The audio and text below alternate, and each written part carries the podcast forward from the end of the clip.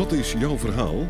Dit is een podcast over dyslexie en aanverwante fenomenen zoals dyscalculie, ADHD, ADD, autisme en hoogbegaafdheid en over het conceptuele denken dat eigen is aan deze mensen. De podcast wordt gepresenteerd door Sean Verhoeven van Dynamica. Zij is coach en trainer voor volwassenen met dyslexie en aanverwante fenomenen. Ze gaat ervan uit dat mensen met deze fenomenen allemaal conceptuele denkers zijn. Als je dat weet en weet hoe dit denken werkt, is het mogelijk om een gemakkelijker en succesvoller leven te hebben en effectiever te kunnen functioneren in je studie of je werk. In deze podcast gaat ze in gesprek met mensen die hun eigen verhaal willen vertellen. Een verhaal dat gaat over labels, hun andere manier van denken, hun tegenslagen, de voordelen van het conceptuele denken en hun succesverhalen. Jean Verhoeven spreekt uit eigen ervaring. Ze heeft zelf dyscalculie, dyslexie en ADHD. Nou, welkom Hans de Bruin. We gaan het hebben over ogen vandaag. Ik ga je vragen wie ben je en wat eh, doe je? Ja, ik ben Hans de Bruin. Ik ben al jaren uh, in de optiek uh, bezig, zeg maar. Mijn vader was uh, opticien en zo ben ik eigenlijk in dat beroep ingerold. na al mijn opleidingen heb ik uiteindelijk de Universiteit van Londen gedaan. Toen was er in Nederland nog geen opleiding op het HBO-niveau.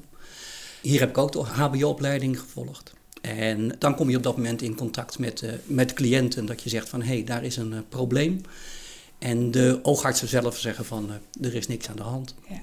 En zo ben ik eigenlijk het alternatieven gedeelte ingegaan. En nu ben ik eigenlijk neurooptometrist met een praktijk in Haarlem. En ik ben nog één dag in, de, in mijn winkel in Hoofddorp. Oké. Okay. Ja, want ik heb die naam van een uh, klant uh, gekregen. En ik dacht, nou, die meneer ga ik bellen. En dan uh, gaan we kijken wat we over ogen kunnen vertellen. Want als we het hebben over dyslexie, dan hebben we het. Ehm, dan komen de van Gemert brillen, de gekleurde brillen, de cilinderbrillen, de prismabrillen. En dan wordt er van alles geroepen van dat werkt niet en dat past niet. Of, dus nou, hè, wil ik het wel eens met een wetenschapper. Ja, ja echt een wetenschap ben ik niet, maar ik heb de gedeeltes wel doorlopen die met de ogen te maken hebben. Ja. Uh, nou, dus je hebt verschillende dingen opgenoemd. Je praat ja. over de Van Gemert, dat is iemand die met verschillende prismabrillen op een dag oh, prisma, uh, mensen ja. heb kunnen helpen. Uh, ik weet er te weinig van, van zijn techniek, want die heeft hij helaas meegenomen in zijn graf. Ik heb wel resultaten daarvan gezien. En bij sommigen is dat heel succesvol en die omarmen zijn voorgeschreven prisma's. Uh, wat heb je met dyslexie, dyscalculie? En mijn vragen ze ook, zie je ook andere dingen bij mensen met ADHD, ADD, hoogbegaafdheid, oftewel zoals wij het noemen conceptueel denkers? Je krijgt dat je met dyslexie, uh, zie je heel vaak dat de ogen op het horizontale vlak niet goed functioneren. Ja. Ze moeten op ja. dat moment de beelden in de hersenen bij elkaar krijgen. Dat lukt hun niet. En wat ik heel vaak vind bij een dyscalculie is dat er een afwijking in de hoogte tussen de twee ogen zit. En dat is ja, in mijn jarenlange ervaring opvallend. De ogen moeten ja. uiteindelijk het beeld bij elkaar vinden. Net zoals rechter en linkervoet bij elkaar horen, horen de beelden van het rechter en het linkeroog ook bij elkaar. Ja. Ja, dat is dan niet het geval. En op het moment dat je dat dus oplost, maak je het voor die personen veel makkelijker om om te gaan met hun dyscalculie of met hun dyslexie. Ja. Ja, dan de volgende vraag. Ik heb dyslexie en dyscalculie. Nou. Hoe zou het dan met mijn uh, oog zitten? Ja, dan kan het zo zijn dat tijdens de meting uh, het blijkt dat die twee, dat die samenwerking inderdaad gedeeltelijk, hè, ja.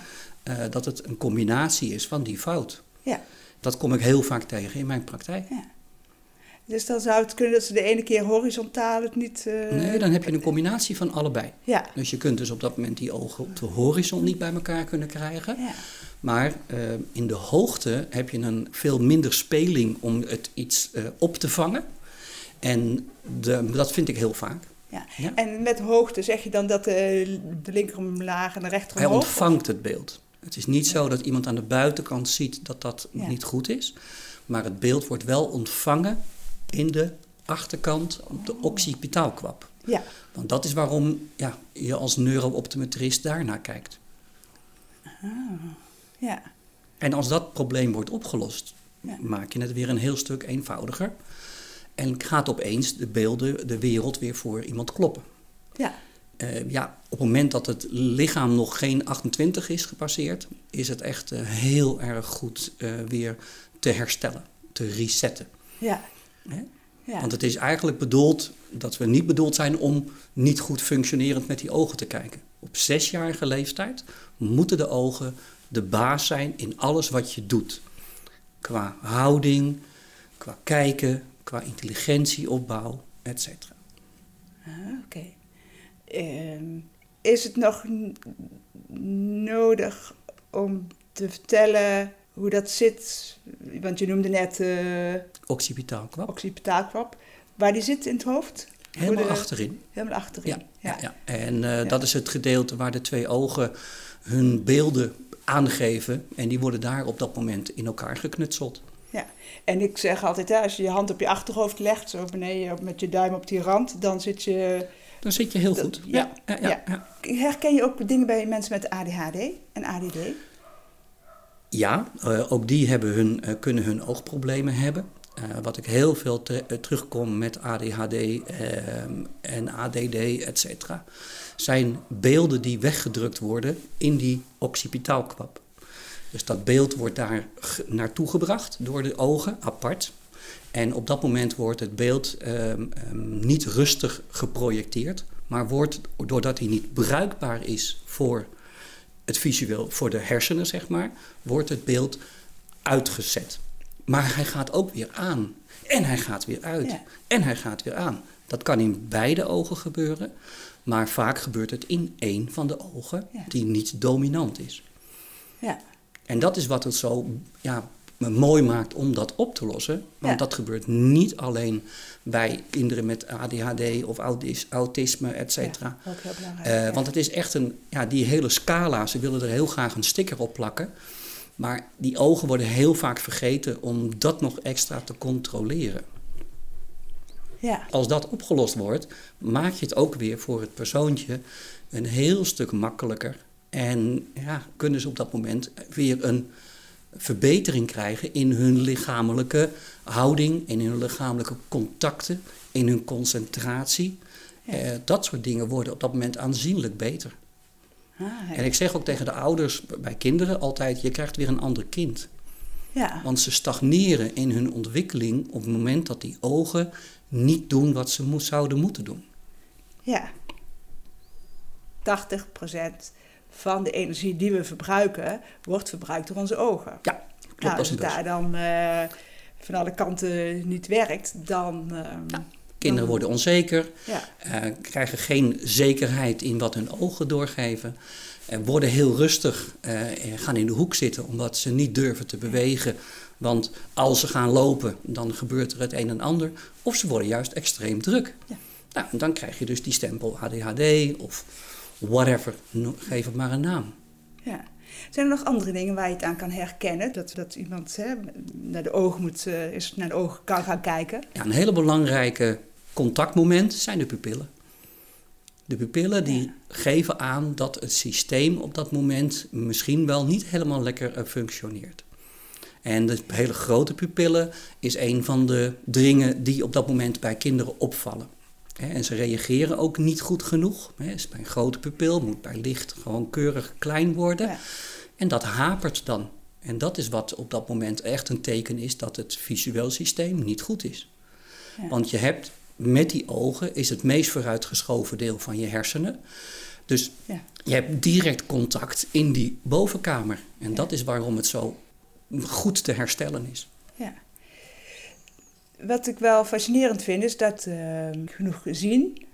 Dan eh, gaan we naar de opticien. Of eh, als er stress op die ogen zit, Ja. dan, dan wordt daar niks mee gedaan. Of dat is niet, ja, is eigenlijk niet logisch dan om iets mee te doen. Nee, niet logisch. Niet bij de maar, gangbare. ja, maar ze hoeven dus niet per se slecht te kunnen zien. Hè? Nee. Het is zo Nee. dat je dan zegt van kan jij dat eh, bord lezen eh, of de ondertiteling van tv? Ja, papa en mama, dat kan ik zo lezen. Nou lees Ja. maar voor. En ze lezen het zo voor. Ja. Alleen dat is niet, dat is een momentopname en dat is niet als je wat langduriger die ogen moet gebruiken, dan kan het problemen geven. Want sommigen hebben gewoon een gezichtsvermogen van meer dan 100 procent. Ja, En dat is ja. gewoon goed. Hè? Ja. Eh, iets over de hele wereld is 100%. Op 6 meter een letter lezen. Overal gelijk. Ja. Net als een kilo overal een gelijk is. En dat wordt dan eh, op dat moment wel gemakkelijk gehaald. Alleen zo gauw ze met z'n tweeën gaan, ondersteunen ze elkaar niet meer. Ja. En dat is wat eigenlijk normaal gesproken bij ogen moet gebeuren. Op het moment dat ze allebei goed functioneren, ga je ongeveer 20 tot 25 procent beter kijken. En beter is ook makkelijker kijken. Ja, dus het kost je weer meer, minder moeite. Ja. ja. Eh, als voor de mensen die naar luisteren en denken van... Goh, eh, eh, kan je nog een aantal dingen noemen waar, waarin mensen het kunnen herkennen? Van, god, het is wel... oh, dit herken ik. Dus laat, misschien moet ik eens naar mijn oog laten kijken. Ja, als je onverklaarbare klachten hebt, zoals hoofdpijn, nek- en schouderklachten, lichtgevoeligheid, branderige ogen, jeukende ogen, zandgevoel in de ogen, dat soort dingen horen bij fixatie-disparatie. Want dat is eigenlijk hetgene wat wij ja, als noemer hebben van het fixeert niet goed. De ogen kijken niet op één punt gelijktijdig met elkaar en rustig. En dat is wat fixatie-desperatie is. En dat kun je echt oplossen met een prismabril. Maar dat is dus echt een hulpmiddel. Ja, En eigenlijk is het zo dat in de praktijk ehm, we eigenlijk gebruik maken van visuele training of lichttherapieën om die ogen een betere samenwerking te krijgen, te geven. dan... ehm, nee, leg Ja. nog eens uit wat het verschil is tussen prisma en een eh, cilinder. Een cilinder heeft te maken met de vorm van het oog. Het oog moet een voetbal zijn, maar is een rugbybal in dat geval. Waardoor het beeld op het netvlies niet in één geheel wordt gekeken. Dus als je naar bijvoorbeeld een letter E kijkt, dan zijn de verticale lijntjes en horizontale lijntjes niet even scherp. Dat is wat een cilinder doet. Die maakt dat even scherp. Maar de prisma die werkt op die occipitaalkwap. Die werkt Ja. hier. Ja. Die schuift dus die twee beelden in elkaar, maar helemaal achteraan. En dat is het grote verschil. Prisma's worden niet zo heel veel voorgeschreven. Ja, ik schrijf ze wel voor op het moment dat dat ehm, nodig is. Al jaren eigenlijk, al meer dan 30 jaar. Ehm, omdat je dan een hulp kunt geven. Die hulpvraag, ja, die komt eh, vanzelf en kan op dat moment heel veel eh, verschil uitmaken. Dus ik zeg niet dat een methode anders, een kleurbril of een Van Gemert, of dat slecht is. Nee. Dat niet, eh, Nee. want het kan helpen. Ja. Ja? En ik weet alleen mijn eigen methodes die ik omarm, die Ja. ik ook zelf persoonlijk heb meegemaakt. Want Ja. ook ik ben dyslectisch. Oh, en leuk. ik heb alles gedaan wat ik in mijn, Ja. wat ik in mijn Ja. praktijk heb meegemaakt, heb ik zelf gedaan. Ik zeg altijd tegen de cliëntelen, ik ben niet geopereerd aan mijn ogen. Want dat is ook het, eigenlijk het enigste wat ik niet heb. En voor de rest heb ik eh, alles gehad. Prisma-brillen, cilinder. eh, en die heb ik nog steeds. Maar dat is dus in de voorkant. Maar de prisma heb ik niet meer in mijn bril. Ja, nou, dat is wel leuk. Oké, 99% match. Iemand die bezig is met dyslexie of het opmerkt dat, is altijd of zelf toch dyslectisch. Of er is iemand heel eh, close in de familie eh, die... eh, nou, welkom bij de, welkom bij, Bij de club. Ja. Ja. Ehm, ja, dan ben ik wel mijn vraag kwijt natuurlijk van net. maar die komt wel weer. Oké. Ja. Ehm, ja, maar nee, die wou ik vragen. Want eh, de vergemerd en de kleurbrillen, je kent Ja. het wel en je hebt het vast onderzocht. Zeker, Ja, absoluut. dus je kan erover mee praten. Ja. Ehm, ja, dan toch, want- zo'n kleurbril, want ik heb eh, klanten met een kleurbril die Ja. zeggen van het werkt, hè, ik heb er een hele hoop eh, plezier van. En Ja. ik heb hem ook wel eens eh, opgehad en ik voelde wel meteen dat mijn ogen anders gingen staan. Dus dat ik die oogspieren voelde werken. Het doet wat, die kleur. Zeker, absoluut. Wat doet het? Buiten of dat het ervan vindt? Wat het doet verplaatst. Het verplaatst op dat moment de, de input van de- het licht wat binnenkomt, komt op een andere plaats op het netvlies. En dat heeft een ander plekje op die occipitaalkwap. En daardoor kan op dat moment een verbetering plaatsvinden. Je, je zoekt de voorkeur op die het oog heeft in dat kleurverhaal met de kleurenbril. Hè? Ja, ja, ja. Want die, dat die is, eh, blauw, geel. Ja, eh, blauw, geel ja. rood aan één glas, ja. blauw aan de andere kant. Oh ja, dat. Ja, eh, geeft op dat moment daadwerkelijk een verbetering in het lezen. Hè, want op dat moment wordt de leesvaardigheid wordt met een stopwatch gemeten in een minuut. En in die minuut lezen ze, ze gewoon veel makkelijker en beter en langer. Ja. Dat is waarom dat zeker een, een, ja, mijn eerste contact met kleuren is die kleurbril geweest. Ja. ja. En, waar, en waarom heb je het weer losgelaten? Um, duik je er dan in. Hè? Ja. En zo ben ik aan de College of St. Tonics gekomen in Amerika. En daar leer je dan op dat moment, als het direct op het netvlies wordt aangeboden, en vijf, zes weken lang, dan kan dat dus op dat moment een veel beter en een uh, veel sneller resultaat geven. En uh, haalt bijvoorbeeld die suppressie weg, als die er is, heel snel.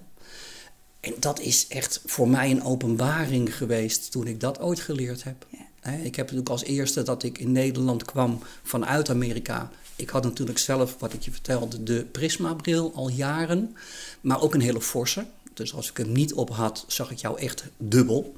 Ja. En opzij, en ik had een stukje hoogte. En echt fors. Maar oké, okay, uh, met bril ging het prima. En ik verkoop ook brillen, dus ik had al mijn brillen met prisma's, allemaal helemaal goed. Ja. Maar ik kon ze niet afzetten. Deze techniek geleerd, omdat ik heel veel jonge lui had van jongens, ik, Hans, ik ben heel blij met die prisma-bril. Maar ik ga geen bril meer dragen, want uh, dat is niet stoer. Of uh, ja. ik wil contactlenzen. Nou, dat gaat niet in, in, in prisma. Hè? Dat heb je echt een bril voor nodig. Ja, zo ben ik aan die therapie gekomen. En ik heb mezelf als eerste proefkonijn opgeworpen. Ja. En ik kan je vertellen, uh, de, nog steeds de sensatie die ik had toen ik hem... Want je maakt dan een bril zonder prisma. Nou, ja. had ik een hele mooie nieuwe bril. En ik kijk en alles zag ik dubbel. Per oog apart, hartstikke scherp. Maar met z'n tweeën zag ik diezelfde dubbelbeeld. Ja. En ik ga in de therapie. En ik kom uit die therapie, daar praat je over twee keer, uh, in dit geval nog twee keer tien minuutjes. Maar eigenlijk is het nu twee keer vijf minuten. En ik kwam uit het hok en ik doe mijn nieuwe bril op en alles was enkel. Ja. Nou, dat is echt, dat gevoel kan ik nu nog steeds oproepen. Ja, echt waanzinnig. Ja. Uh, alleen 20 minuten en 23 seconden, toen was het weer dubbel. Ja. Oké, okay. oh, ja. maar de volgende dag ging dat weer langer en langer. En na twee weken was dat eigenlijk helemaal opgelost. Um, had ik dus geen dubbel beeld meer zonder mijn hulpmiddel van Prisma in mijn bril. Um, nog even, want je zegt therapie. Wat is die therapie? Nou, de therapie is, je kijkt in een uh, lichtbron op een uh, centimeter of 30, 40 afstand. En je kijkt in een bepaalde golflengte. En die golflengte, dat kan dus een kleur rood, combinatie rood zijn, een combinatie paars zijn, een combinatie uh, groen zijn. Op dat moment heb je direct contact met je netvlies. En kom je dus ook direct in contact met de sympathicus en de parasympathicus. En dat is de balans die in jouw lichaam is. De sympathicus is degene die overdag uh, functioneel is en op dat moment adrenaline aanmaakt en uh, je de power geeft. En de parasympathisch is voor je rust. Maar op het moment dat dat dus verstoord is, die sympathicus is op dat moment eentje die veel te actief is ja, dan ben je druk en dan heb je de rust niet. En andersom, als je de parasympathicus ja. hebt, kan dat weer op dat moment weer eh, dat je heel erg rustig bent. Ja. Overdreven rustig, laat ik het zo zeggen. Ja. En dat is wat je dus met die kleurentherapie doet. En met vijf minuten per dag per kleur, dus tien minuten uh, behandeling, um, gaat het lichaam daarop reageren. En als de oogzenuw verder gezond is, hè, dat is degene die ja. van je netvlies de informatie naar achteren brengt, mm, het geeft 50% licht door en 50% informatie qua beeld. En van die 50% wat licht binnenkomt, die licht beïnvloedt je, want je doet een kleur, je kijkt in een kleur. En die heeft op 36 plaatsen in je lichaam uh, contacten, totdat hij op de occipitaalkwak komt. Dus dat hele lichaam krijgt een balans. Syntonics is ook de naam van de behandeling. En Syntonics is balans, vertaald. Ja. Aha. Ja. En het is maar vijf, zes weken nodig. En ja. dan is eigenlijk het systeem hersteld. En dan ga ik niets meer doen. Op dat moment gaan we een maand rust nemen. En dan kijken we of het lichaam het zelf overneemt. Ja. En zo behandel je mensen. Nou, kinderen is natuurlijk fantastisch, omdat die nog helemaal in een bloei van hun leven zijn. Maar ook mensen met een niet aangeboren hersenafwijking. Of die ja. met een verwaarloosde hersenschudding lopen. Want dat zijn op dat moment degenen die ook dit soort problemen krijgen op het moment dat ze ja, een klapper meemaken. Ja, ja. He? Want dat zijn natuurlijk degenen die indirect of op het voorhoofd een klap krijgen, of uh, precies op de occipitaalkwap een klap krijgen. Dat kan op dat moment dit normaal functioneren van de ogen ernstig eh, verstoren. Ja. En ze zeggen het ook. Ik kijk heel vreemd. Ja, dat klopt. Want voor die tijd keken ze namelijk normaal. Ja. Dus die hebben wel ervaring. Kijk, kinderen weten niet dat eh, papa en mama eigenlijk continu ehm, in beweging zijn. Ze hebben geen vergelijk. Ja. Alleen ze hebben wel vergelijk als het verholpen is. Want dan gaan ze dus zeggen van ja, maar oké, eh, eh, ik kan veel rustiger zien. Ja, dat klopt. En dat is het hele fijne aan de therapie. Ja, ja, ja.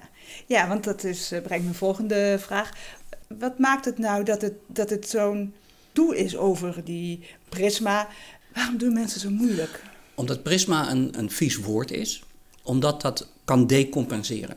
Dus het grote euvel wat er is, is als je dus een prisma voorschrijft, dat dat kan vermeerderen. Dus stel je krijgt een prisma van Ja. bijvoorbeeld 5 Ja, en eh, een half jaar later heb je 10 ja, en een half jaar later heb je 20. ja, Nou, wat gebeurt er dan? Dan worden de glazen zo dik dat er geopereerd moet worden. ja, Dat vindt een oogarts echt niet leuk als je de leeftijd van ons hebt. ja, Hè, wel op de leeftijd van kinderen, hè, onder de 5, 6 jaar Oh, is dat ja. geen probleem. Eh, je krijgt dat wanneer je praat over de prisma, dat vermeerderen, daar wordt steeds op gehamerd. Maar dat heeft te maken met de techniek die je toepast met prisma meten. Meet 10, nou, dan ga je in dat geval ga je maar 5 corrigeren en in een ander geval ga je maar 6 corrigeren. Maar dat is echt natte vinger. ja, de Zeiss-Pola-test is echt een fantastische techniek, want dan ga je het echt per kwart nauwkeurig eh, bepalen. En kun je aan het eind van de meting met een gerust hart zeggen: ja, dit, kom, dit gaat niet decompenseren, dit blijft. Nou, die ervaring kan ik je vertellen in de afgelopen 30 jaar. Inderdaad, want die mensen komen dan terug Ja. weer voor een nieuwe bril. Eh, en die prisma blijft, die kan wel eens een beetje omhoog gaan, maar niet verdubbeling, echt niet. Eh, gewoon net zoals een sterkte wat kan veranderen, is dat ook met die prisma het geval. ja, En het gaat niet, het decompenseert niet. Ja? Dan Ja. kan je van tevoren eigenlijk al voorspellen. En dan doe je dus geen prisma. Als het niet eh, nauwkeurig genoeg wordt aangemeten, dan kun je die problemen wel over je heen krijgen. Het is alleen, ja, het gebeurt heel zelden op het moment dat je het eh, op de juiste manier aanmeet. Ja, En het werkt echt. Alleen, Ja. het is dus ja, eigenlijk altijd die bril op je neus doen. En Ja. dat is wat natuurlijk, eh, het is een hulpmiddel waar je eigenlijk niet meer zonder kunt. ja, In hele sommige gevallen is na anderhalf jaar dragen het niet meer nodig. Dat zie je trouwens ook heel vaak met de X-lens bril. Hè, Ja. Dat dat dan uitgewerkt is, dat het dat niet meer Oh, doet wat hij doet. ja, ehm, maar dat is, met Prisma kan het ook zijn dat dat dan ook niet meer nodig is. Zeker bij de jonge lui. Maar het kan ook zo dat het dan voor de rest van je leven is. Dat als je hem afdoet, Ja. dat je meteen die onbalans merkt. ja, En dat is wat je liever niet wil. Nou, en daarvoor is visuele training, waar de lichttherapie een onderdeel van is, eh, het wapen om dat op te lossen. Nou noemde je net X-lens, want die was in mijn rijtje verdwenen. Is dat, dat is, Dat is de kleurenbril dat is de kleur. met de chromatische glazen. Ja. Hè? Dus dan Ja, krijg je ja. zo'n bril op met groene glazen, rood of blauw. Dat is de X-lens. en dat is X-lens. Ja. Ja. Ik heb hier een eh, boek, eh Dr. Bates techniek. En dat heet Beter zien zonder bril. Nou, ik heb hier de J. Barnes versie. Is dit een oefening van die kralen uit eh, van deze methode? Hij staat er zeker in, absoluut. Ja. Ja, Want het is, Bates, Dr. Bates heeft heel veel, is wel een grondlegger van het kijken van de ogen, het beter laten functioneren zonder dat daar een hulpmiddel voor nodig is. De eerste problemen met kijken is het convergeren en accommoderen. ja, En convergeren is datgene wat je met dat eh, koordje traint. En als die goed loopt, loopt ook de accommodatie goed. ja, En daardoor heb je een hele lichte leesbril nodig, veel lichter dan standaard. Ja. En als je dat dus ook doet, heb je ook geen problemen dat je leesbril bijvoorbeeld achter de computer eh, niet meer functioneert. Want je houdt een flexibiliteit, ja, je houdt scherpte diepte met de ogen. En dat is trainbaar. Maar als je er niks aan doet, ja, dan loopt dat langzaam weg. En krijg je ieder jaar, ieder twee, drie Ja. jaar een sterkere leesbril.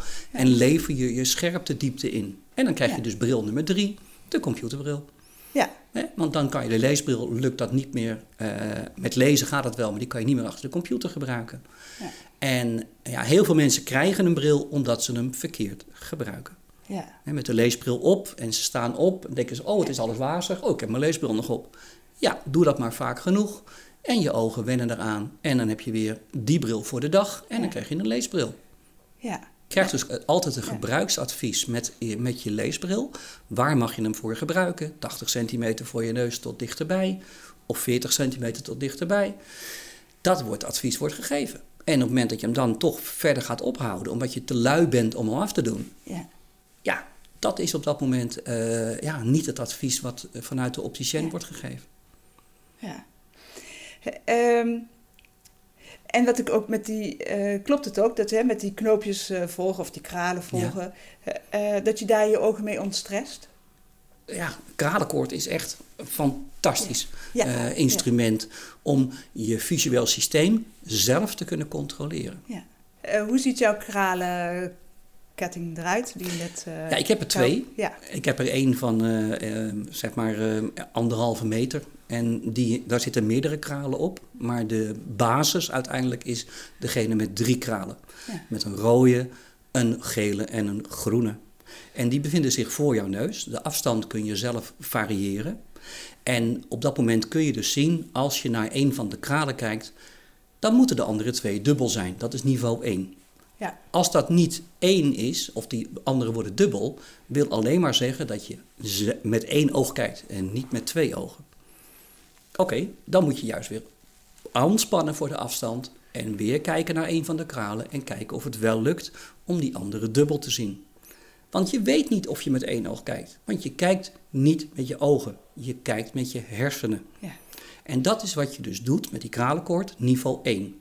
Dus je kijkt ver, je kijkt naar groen, je kijkt ver, je kijkt naar geel, je kijkt ver, je kijkt naar rood. Rood bevindt zich het dichtst bij je neus. Oké, is je één rode, moeten de andere twee dubbel zijn. En dan kan je kruipen naar geel, je kan kruipen naar geel, maar je moet ook veraf kijken. Het zijn echt vier afstanden. Dus niet alleen op rood, groen en geel kijken, nee, veraf is ook heel belangrijk. Niveau 2 is het kruisen van de twee touwtjes. Want als het goed is en je hebt één en de andere zijn dubbel, dan komen er uit je oog rechts en links twee touwtjes. En die moeten kruisen bij de opening waar de kraal is waar jij naar kijkt. Bevindt hij zich erachter, dan zijn je ogen te lui. Dan moet je dat aantrekken door een beetje naar je neus te kijken. En dan valt het wel op zijn plek. Bevindt hij zich ervoor, dan moet je ontspannen, relaxen. En dan zie je hem zo naar achteren gaan. En bij niveau 3, want als dat dus heel soepel gaat, ja, dan ben je eigenlijk klaar. Maar ik kan niet controleren of Pietje of Marjan of Kees het goed doet. Want ze kunnen wel zeggen, ja, maar ik zie één en ons zijn dubbel en ik zie die kruising en die ligt precies bij de... Oké, dan zijn papa, mama en de hele familie nodig. Want dan ga je dus zeggen, oké, Keesje, kijk maar naar groen. Zie je één groene? Ja, ik zie één groene. Oké, blijf je kijken? Ja. Gaan er twee touwtjes heen? Ja. Blijf maar kijken. Hoeveel is 9 keer 19? En als dan de ogen weggaan Ja. van het balletje, dan is het dus nog niet sterk genoeg. Dat is dus de, eigenlijk de hoogste vorm van cognitie. Ja, en dan heb je eigenlijk een combinatie pakken. En het is dus zo dat je het heel moeilijk is, absoluut. Doe het maar. En je zal zien dat dat even echt een, een vraag is waar je over na moet denken. Maar denken en kijken gebeurt wel de hele dag door. En als ze dat dus kunnen, oké, ze zullen in het begin wegkijken. Zeg maar 80% van degene waar je een vraag stelt, gebeurt dat. En op een bepaald moment zullen ze niet meer weg hoeven kijken, maar dan wordt het dubbel. Op een bepaald moment wordt het wazig. Of de kruising springt opeens naar voren en achter. En op een bepaald moment gebeurt er helemaal niets meer. Je hebt hem bij één bal, de kruising komt op zijn plek en je kunt de vraag beantwoorden die door iemand anders gesteld wordt. Ja. En dan moet je nog maar eens kijken of je leesproblemen hebt, of je focusproblemen hebt. Want dan heb je echt de hoogste vorm van kijken te pakken. Vandaar dat ik deze, ook als ik de kinderen helemaal getraind Ja. heb in alle facetten van de oogtraining, krijgen ze deze mee. En dan zeg ik, check het nou eens. Kijk Ja. eens naar een week. Gaat het nog Ja. soepel, Hans? Gaat het soepel? Ben je klaar? Denk je van, god, dat kost me weer veel moeite. Ja, train dan weer even, totdat het weer makkelijk gaat. En dan zul je zien dat die tijd steeds langer wordt. Ja. En uiteindelijk ja, heb je hem wel nodig. Je traint eigenlijk de rest van je leven. Maar Ja. je, het blijft fantastisch als het één blijft, de kruising blijft gelijk. Ja. En je kunt een vraag en antwoord maken. Het is echt fantastisch. Dan heb je de ogen onder controle. En over trainen hebben we het echt over twee minuten. Ja, maximaal. Ja, het is Ja, echt niet. eh, sommigen doen het eh, een half uur per dag, maar dat is Ja. dus niet de bedoeling. Nee. Helemaal nee, dus het niet. Is echt, het is echt nou, bijna niks. Vijf minuten per dag, maar het mag verdeeld worden. Ja. En op den duur wordt het minder. Tenminste, ik, Ja, dan eh, heb je het gewoon, dan kun je. Hè? Ja. En, maar het blijft een spel die heel veel informatie geeft voor jezelf. Of het nog werkt of niet. En het houdt je leesbril heel lang weg. Want boven Ja. 40, 45 krijgt iedereen een leesbril. Ja. Maar als je dit goed kunt, En dan heb ik nog een andere. ehm, want er is natuurlijk heel veel stress. En zeker bij ons als dyslectici. ehm, maar zeker op het lezen en op het kijken. Is er die rust is er ook nog eens niet. Eh, dus er is een hele hoop stress. En bij mensen zonder eh, dyslexie en wel ADHD is er ook een hele hoop stress. Want dat eh, hebben we net al eh, benoemd. ja, Wat de impact is van stress op onze ogen. er is een toename van stress, van Ja. Problemen met de ogen in de vorm van de suppressie. Op dat moment En vindt de suppressie is? het Ja. wegdrukken van het beeld. Het oog moet die twee Ja. beelden goed verwerken achterin. En op het moment dat dat niet goed werkt, drukt de bovenkamer één oog uit, omdat dat niet goed functioneert. Ja. Maar dat oog wil toch meekijken en Ja. komt weer terug. Ja. Dus het is tijdens het kijken dat dat op dat moment dan eh, toeneemt, dat die gaat flikkeren als het ware. En dan heb je dus geen rustig beeld. Vergelijk het dat iemand in de, de ruimte continu het licht aan en uit doet. Ja. En dat is met stress gerelateerd. En Ja. de afwijkingen die ik vind, of het nou horizontaal of verticaal is, als stress toeneemt en het systeem is niet zwak genoeg, sterk genoeg, dan komt dat toch weer een klein beetje bovendrijven. Maar goed kijken is voor luie mensen. Het is echt, het systeem is zo bedoeld dat kijken eigenlijk helemaal geen energie hoeft te kosten. Want als het wel energie kost, ja, dan ga je dus ehm, veel meer zuurstof gebruiken aan het onderdeel kijken. Ja. En dat vraagt al vier keer meer zuurstof dan bijvoorbeeld je hart. Maar dan vraagt het dus nog veel meer zuurstof. Ja? En stress is geen, eh, ja, eh, we hebben ermee te maken. Hè? En visuele stress heeft natuurlijk ook te maken dat bijna alles op een kortere afstand wordt aangeboden. Ja. Hè? Dus alles op de 80 centimeter, computer, et cetera. En daar zijn onze ogen eigenlijk nog niet helemaal voor bedoeld. We zijn ge- geontworpen als jagers hè, om veraf te kunnen kijken. Oogspieren zijn daar ook op, op afgestemd. 20% van de oogspieren gebruik je voor dichtbij. En ja, eigenlijk zou dat handig zijn als dat 80% zou zijn. Ja. Maar ja, dat is eh, nog niet zo. Dat zal waarschijnlijk een generatie of twee overslaan. Want het lichaam past zich wel aan hoor. Ja. De neuroplasticiteit van het lichaam, daar ben ik eh, een groot voorstander van om eh, die te stimuleren en te herstellen.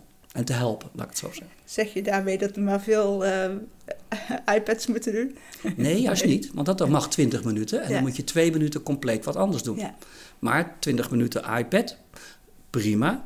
Maar twee minuten, niet dan op je telefoon kijken of je weer bericht hebt gehad. Nee, veraf kijken. Ja. En niet op de korte afstand. Want dat is dus geen ontspanning. Ik ga wat anders doen, ik ga even kijken of ik berichten Ja. heb. Nee, je moet echt ver kijken. Ja. Maar daarna mag je wat mij betreft wel weer 20 minuten terug. Ja. Maar dan moet je weer twee minuten rust pakken. En dat is, ja, vanuit het oog een paar eh, eh, vinden dat fantastisch als dat gebeurt. Ja. Want ja, als een kind 3,5 uur achter elkaar achter computer en dat soort dingen zit, heb ik de grootste moeite om dat weer goed te krijgen. Ja. En dat is voor je systeem erg zwaar. Ehm, even voor de luisteraar. Ik ga een oefening uitleggen met het touwtje. En dat komt uit het boek van Barnes, Beter zien zonder bril. En dat boek kan je vinden op onze literatuurlijst die op onze website staat. En het gaat erover dat je een touwtje neemt, of, een koord. Of, eh, en dan leg je om de 25 centimeter leg je daar een knoopje in, waardoor het iets dikker wordt. En vervolgens bind je die aan één kant eh, vast. Ik doe dat aan de kamerdeur, aan de klink. En eh, dan ga ik aan de andere kant van de kamer staan. En dan hou ik die andere eh, bij mijn neus. En dan, als je dan naar dat touwtje kijkt, dan zie je hem op een gegeven moment... Je ziet twee draden, terwijl je er maar één hebt, eh, komen bij elkaar en dan gaan ze weer uit elkaar. Daar waar het bij elkaar komt, dat punt dat probeer je naar je dichtbij te halen. En dan kijk je weer ver weg en dan kijk je weer dichtbij. Nou, dit is puur oogspiertraining. Zoals je, en dan is de bedoeling om hem zo dicht mogelijk bij te halen. Wat het doet, is dat je bril minder nodig hebt, dat je ogen echt vooruit gaan, dat je minder bril of minder contactlenzen nodig hebt. Nou, voor mijn geval is dat uh, minder leesbril. Ja, als ik dat uh, één keer doe, uh, een halve minuut per dag, twee weken lang, dan kan ik mijn bril weer afzetten. Nou, doe je voordeel ermee. en in plaats van de knoopjes kan je ook kralen doen. Um, is er iets wat ik niet gevraagd heb en wat je graag wil vertellen? Of wat je denkt, dit moet echt nog gezegd worden als het gaat over dyslexie, ADHD, autisme? Nou ja, het, het blijft altijd een, de vraag in de, in, de, in de praktijk of in de winkel is van... had ik het maar eerder geweten? Ja. Want dat is natuurlijk het verhaal, want het kind knapt op op het moment dat dat plaatsvindt. De oogarts is degene, samen met de orthopsie, die uitstekend binoculair zien kan controleren. Binoculair zien wil kijken met twee ogen. Ja. Um, en, en, de gezondheid, hoe het hoornvlies eruit ziet, de ooglens, het netvlies, oogzenuw. Als dat allemaal verder helemaal goed is en je kijkt 100%, krijg je de stempel. Ja, maar u moet hiermee leren leven. Ja, precies. En dat geldt voor kinderen, dat geldt voor mensen met niet aangeboren hersenafwijking. Um, en dat is echt een dooddoener. Op dat moment laat alsjeblieft je ogen controleren op die samenwerking bij een neurooptometrist. Ja. Want dat kan echt een wereld van verschil zijn. Je kan wel kijken, maar je ziet niet. En dat is echt hetgene waar we op uh, hameren. En als dat eenmaal je weer kan zien, ja, dan gaan een hele hoop uh, veranderingen aanwezig. En wordt alles een heel stuk makkelijker als die ogen doen wat ze, waarvoor ze bedoeld zijn. Ja, ja. Heb je nog tips of boekentips? Ja, uh, ehm, Dr. Bates is echt wel iemand die... Uh, ja, daar vind ik de boeken fantastisch van. En eigenlijk zijn alle boeken hebben dus dingen uit Bates gehaald en ja. dat verbeterd. Ik vind de boeken van Marijke van Vuren echt heel uh, goed. Hè? Dyslexie uh, met touwtjes springen. Oh, die? Ja. ja. Maar ja, uh, dat zijn echt boeken waar een ouders heel goed mee kunnen, uh, mee kunnen omgaan. Fixing My Case, dat is een Engels boek. En dat is nu vertaald door een, uh, door een Belg en in het Nederlands. En eh, dat is echt een boek wat vertelt over mensen die drie keer, vier keer geopereerd zijn. Het is een, een wetenschapper die dat heeft meegemaakt. En die jarenlang heeft gezocht naar een oplossing om goed te kijken met haar ogen, omdat ze alleen maar problemen ondervond. Die is in contact gekomen met een neurooptometrist uh, in Amerika. En die heeft alles beschreven wat zij in die drie jaar, vier jaar dat ze daarmee bezig was, wat, uh, uh, ja, wat ze meegemaakt heeft. En de sensatie dat ze op dat moment opeens met twee ogen ging kijken. Ja. En wat haar dat opgeleverd heeft. Ja. En ja, dat is een waanzinnig boek. Uh, gelukkig is het nu vertaald. Ja, een aanrader. Maar dan weer voor de mensen die geopereerd zijn en last hebben. Kijk, sommigen hebben helemaal geen last. Hè? Ja. Die hebben dus op dat moment uh, zijn geopereerd en zijn helemaal blij en gelukkig. Fantastisch, uitstekend. Maar er is een ook een hele grote groep die nog steeds problemen ervaren, die ze accepteren van ja, zo zijn mijn ogen nou eenmaal. Maar daar kan echt verbetering op plaatsvinden.